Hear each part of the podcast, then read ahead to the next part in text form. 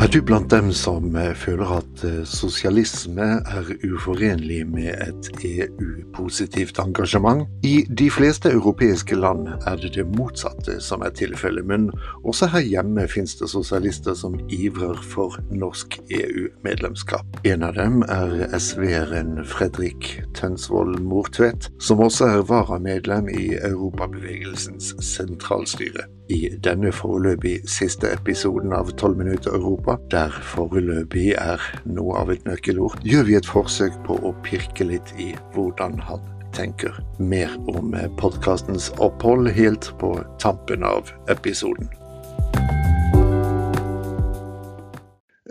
Velkommen til 12 minutter Europa, Fredrik, og godt nytt år.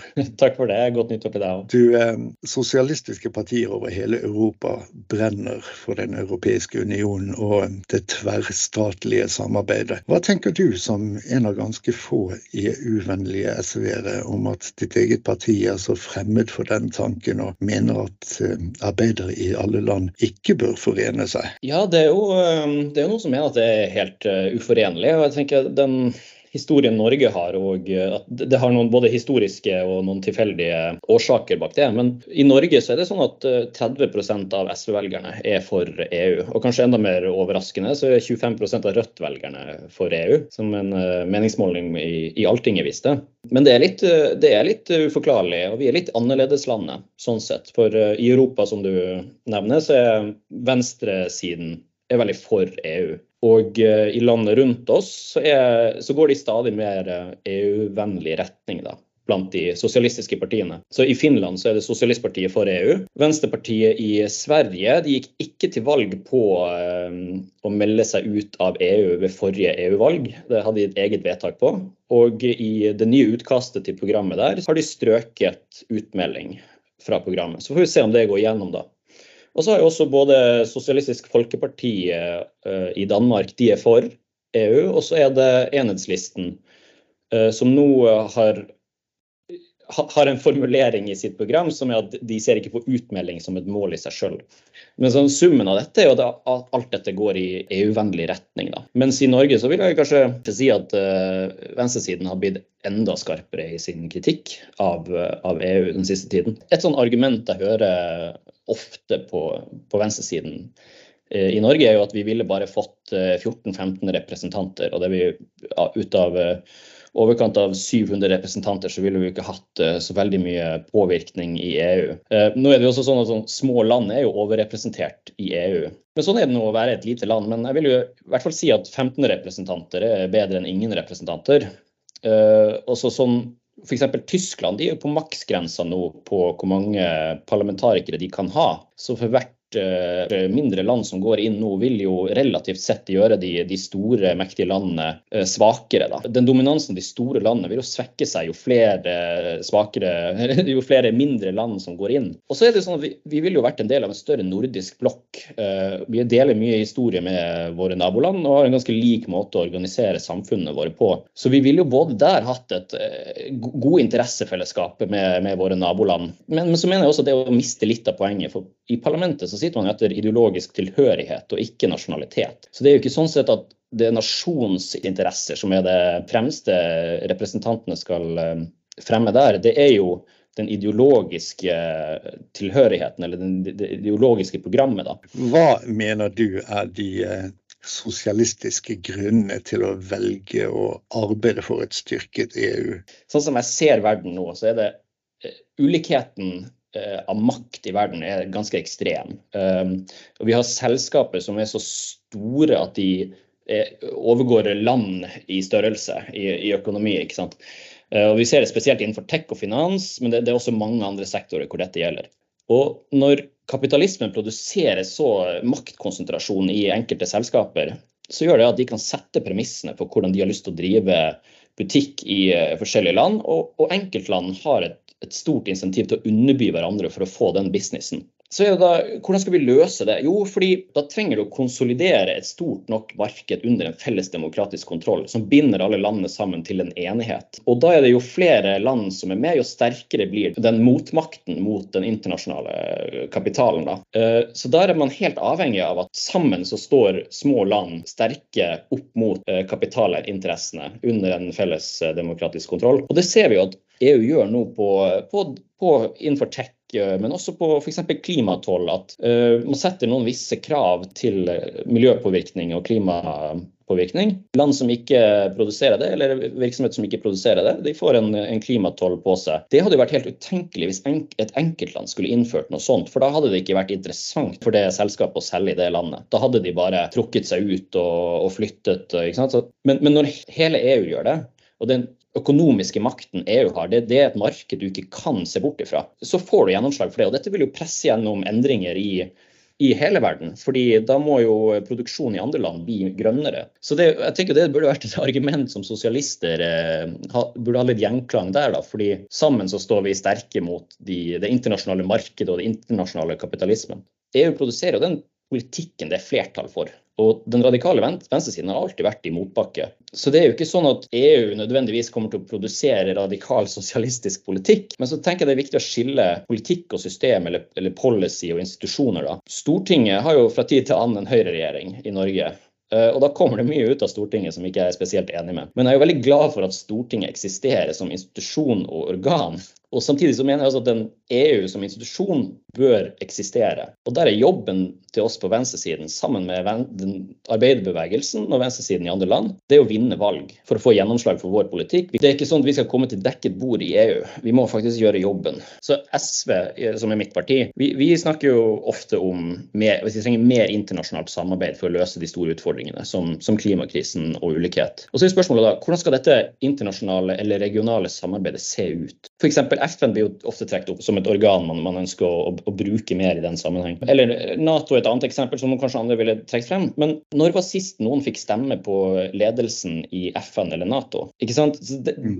det, er jo, det er jo satt av Et kjennetegn med internasjonalt samarbeid i dag er jo at det styres av regjeringssjefer eller regjeringer, og de utgjør generalforsamlinger og de utpeker generalsekretærer. Så her er det veldig mange ledd før du kommer til øverste beslutningsmyndighet i, i, de organene. Og for den jevne borger så, så er jo dette, dette gjør at beslutningen blir tatt så, så langt unna. da. Og EU i sånn sett er jo helt unik. EU er det eneste regionale, altså internasjonale regionale samarbeidet i verden hvor du har direktevalgt representant. Jeg tenker jo at Argumentasjonen til venstresiden er snudd på hodet her, for i EU så er det faktisk den korteste veien til makta. Mm. Fordi du har, eh, du, har, du har, representanter som du kan kjenne som kommer fra ditt land, som er en del av ditt parti, som sitter i parlamentet og utgjør flertallet der, eller, eller opposisjonen der. Så det er, jo, det er jo faktisk det nærmeste du kommer eh, påvirkning og makta. Eh, du beskriver det jo ikke bare som sosialist, men også føderalist.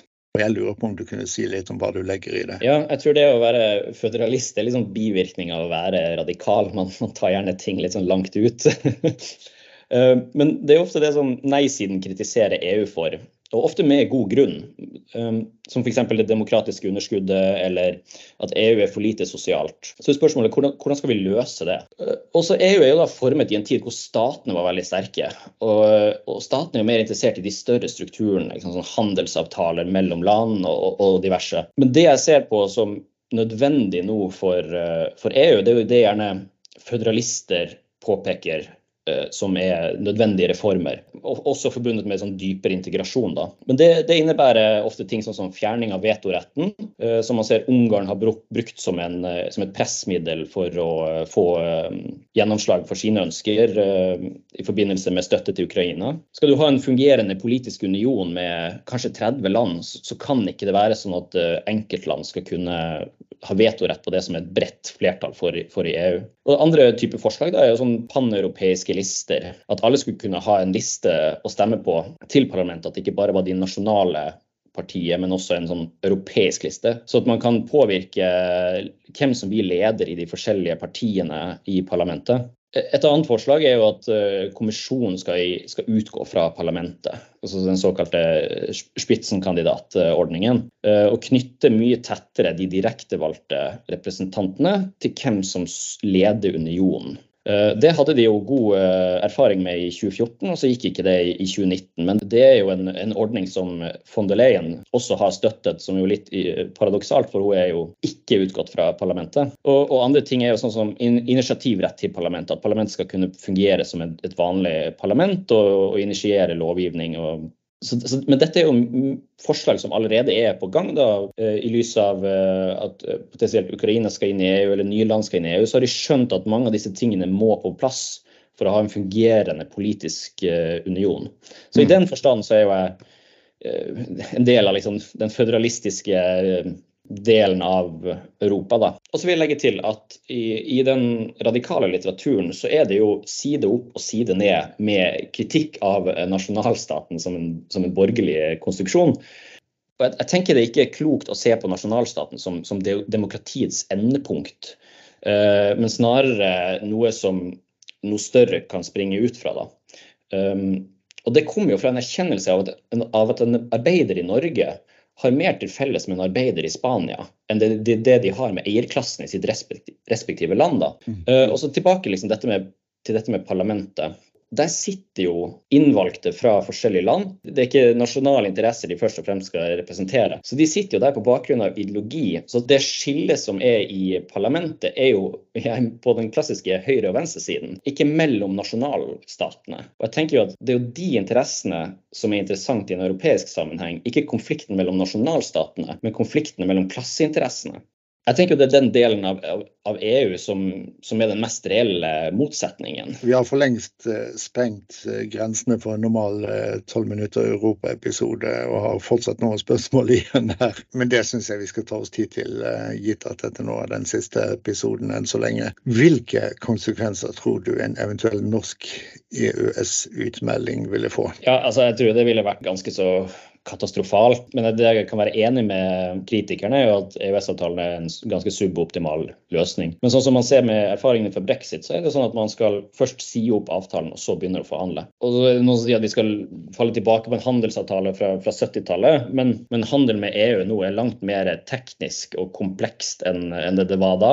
Og så er det spørsmålet om skal, er det dette det norske forvaltningen skal holde på med i mange år framover, og forhandle om premisser og avtaler på på, masse forskjellige felt. Jeg tror det ville vært en uh, ganske dårlig bruk uh, av tid. Og så er det jo heller ikke gitt sånn at man får det man vil med, med handelsavtaler heller. Det er jo motytelser og interesser fra motparten også. Så det å tro at man uh, kan få en sånn avtale som dekker alt det vi ønsker, men på ingen bekostning, så tror jeg det er ganske naivt. Og vi har jo hatt tre NOU-er som, som peker på at vi må Eh, knytte Norge tettere med EU, og det gjelder på helse, sikkerhet og beredskap. Å gå inn i en, eh, en, ja, en konflikt med EU på, på, på EØS-avtalen nå, tror jeg det er motsatt av det vi trenger. 1.1.2024 markerte 30-årsjubileet for um, norsk EØS-deltakelse. Hva vil det bety om vi får 30 nye år i stedet for et fullt medlemskap? Ja, Godt spørsmål. Det er jo, det er jo litt spekulativt, da, men, men min bekymring er at EØS-avtalen ikke har de riktige politiske kanalene for uh, å få vår stemme hørt, da, eller kan kanalisere misnøye med systemet sånn som det er. Fordi norske politikere sitter ganske bundet til avtalens vilkår, og vi har ikke politiske kanaler for å, for å endre vilkårene i den. da. Så, så, det kan jo føre til at EØS-avtalen jo, den betyr ekstremt mye for norsk økonomi, men den kan også være under sterkt politisk press på å fjerne den. da. Og Det tror jeg ikke ville vært bra. Og Da kommer vi tilbake til dette med handelsavtaler igjen, at det vil være ganske komplisert og en ganske omfattende prosess. Um, men så ser vi også fram, hvis vi ser fram i tid, f.eks. på nye næringer, um, at det kan komme problemer knyttet til ja, f.eks. toll på batterier eller andre typer handelskriger som inngår eller ikke inngår i EØS-avtalen. Så idet Norge driver og utvikler nye næringer, og grønne næringer og ny industri, så, så, så, vet vi ikke nødvendigvis om det kommer til å komme inn under avtalen og plutselig får en, en høy tollsats uh, mot EU. Og Det vil jo gå på bekostning av norske arbeidsplasser og uh, nye næringer som vi, som vi, skal leve av etter, etter oljen. Til slutt, Fredrik, har du reflektert over hva som skal til for at norske sosialister får øynene opp for at SV og sågar Rødt kan bidra til å å forme EU, f.eks. sammen med Det europeiske grønne parti, akkurat som danske Sosialistisk Folkeparti gjør? Eller for Aps del, for den del, det europeiske sosialdemokratiske parti?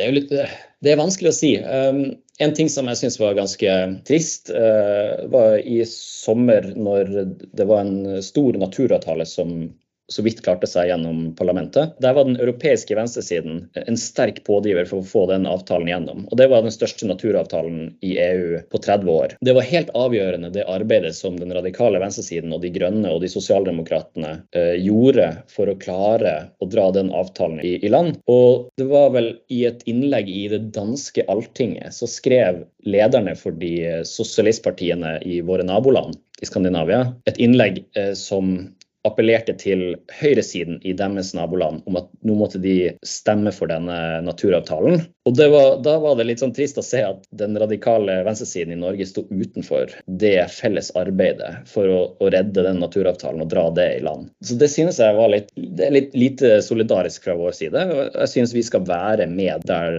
der nede i Brussel og gjøre den jobben for, for en ny og bedre framtid, hvis man kan si det sånn. Mm.